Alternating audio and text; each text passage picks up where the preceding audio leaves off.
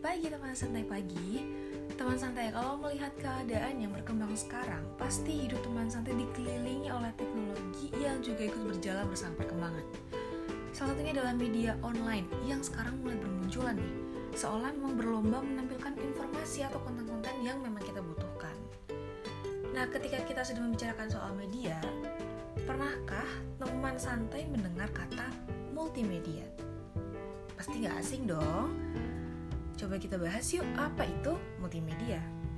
Multimedia merupakan penggabungan dua elemen atau lebih dalam sebuah konten di suatu media.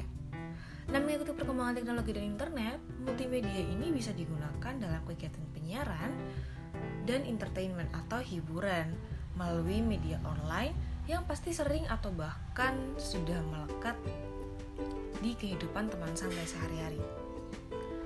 Jika membicarakan soal definisi nih, Deus dalam jurnal What is Multimedia Journalism itu membagi definisi multimedia menjadi dua. Tahu nggak itu apa aja? Nah yang pertama, multimedia merupakan penyajian konten yang menggunakan dua atau lebih elemen dan yang kedua adalah penyajian konten yang menggunakan beberapa format media seperti menggunakan koran, lalu juga menggunakan radio sebagai media penyebaran, lalu menggunakan website, menggunakan media sosial, dan lain sebagainya. Nah, teman santai, biasanya kalau misalnya teman santai melihat uh, produk berita atau konten-konten lain yang tersebar di media online, teman santai bisa menemukan elemen apa aja dan menemukan berapa elemen nih dalam konten tersebut. Kalau aku biasanya ya setidaknya menemukan dua elemen. Tapi sebenarnya ada lima elemen yang bisa disebut sebagai elemen media. Apa aja sih itu? Satu, ada teks. Teks kan memang kita gunakan untuk melihat informasi apa yang diberikan dan biasanya teks itu tidak ditulis dengan panjang yang di media online ya. Lalu yang kedua ada gambar. Biasanya gambar yang diterakan dalam sebuah konten atau produk berita itu adalah gambar diam. Jadi semacam foto. Lalu ada suara seperti podcast seperti aku yang menjelaskan membuat podcast untuk menjelaskan apa itu multimedia. Lalu ada animasi dan video. Animasi dan video merupakan uh, kedua produk dari teknologi yang menggunakan video bergerak, gambar bergerak.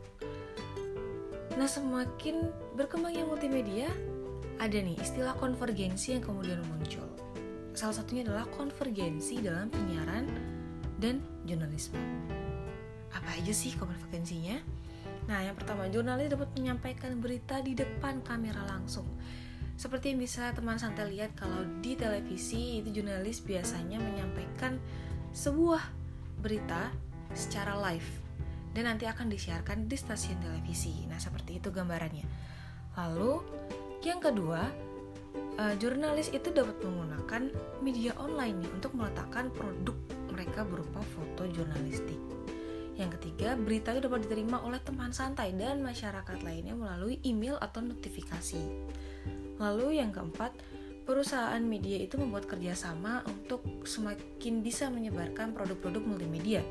Lalu yang terakhir, tim media, baik dari cetak hingga ke online itu dapat berkumpul bersama untuk mengumpulkan informasi dan menyebarkannya melalui berbagai platform berita seperti itu.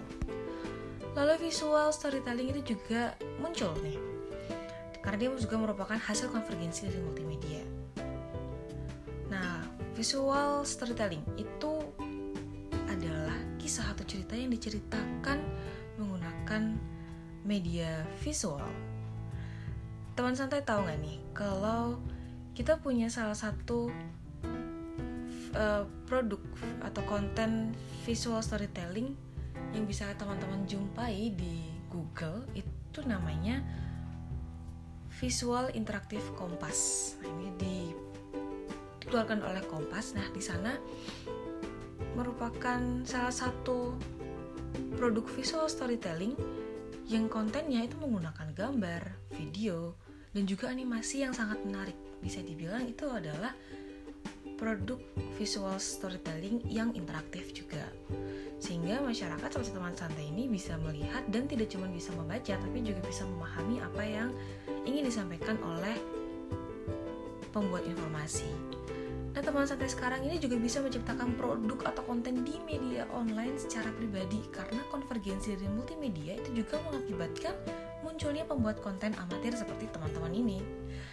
Orang yang memiliki interest pada sebuah elemen media seperti foto atau video itu bisa membuat produk yang dapat disebarkan melalui media online. Jadi, teman santai berminat ya? Nah, sepertinya sekian dulu ya bincang kita pada pagi ini, teman santai. Semoga dapat memberikan tambahan informasi juga kepada teman-teman santai dan ditunggu pembahasan selanjutnya.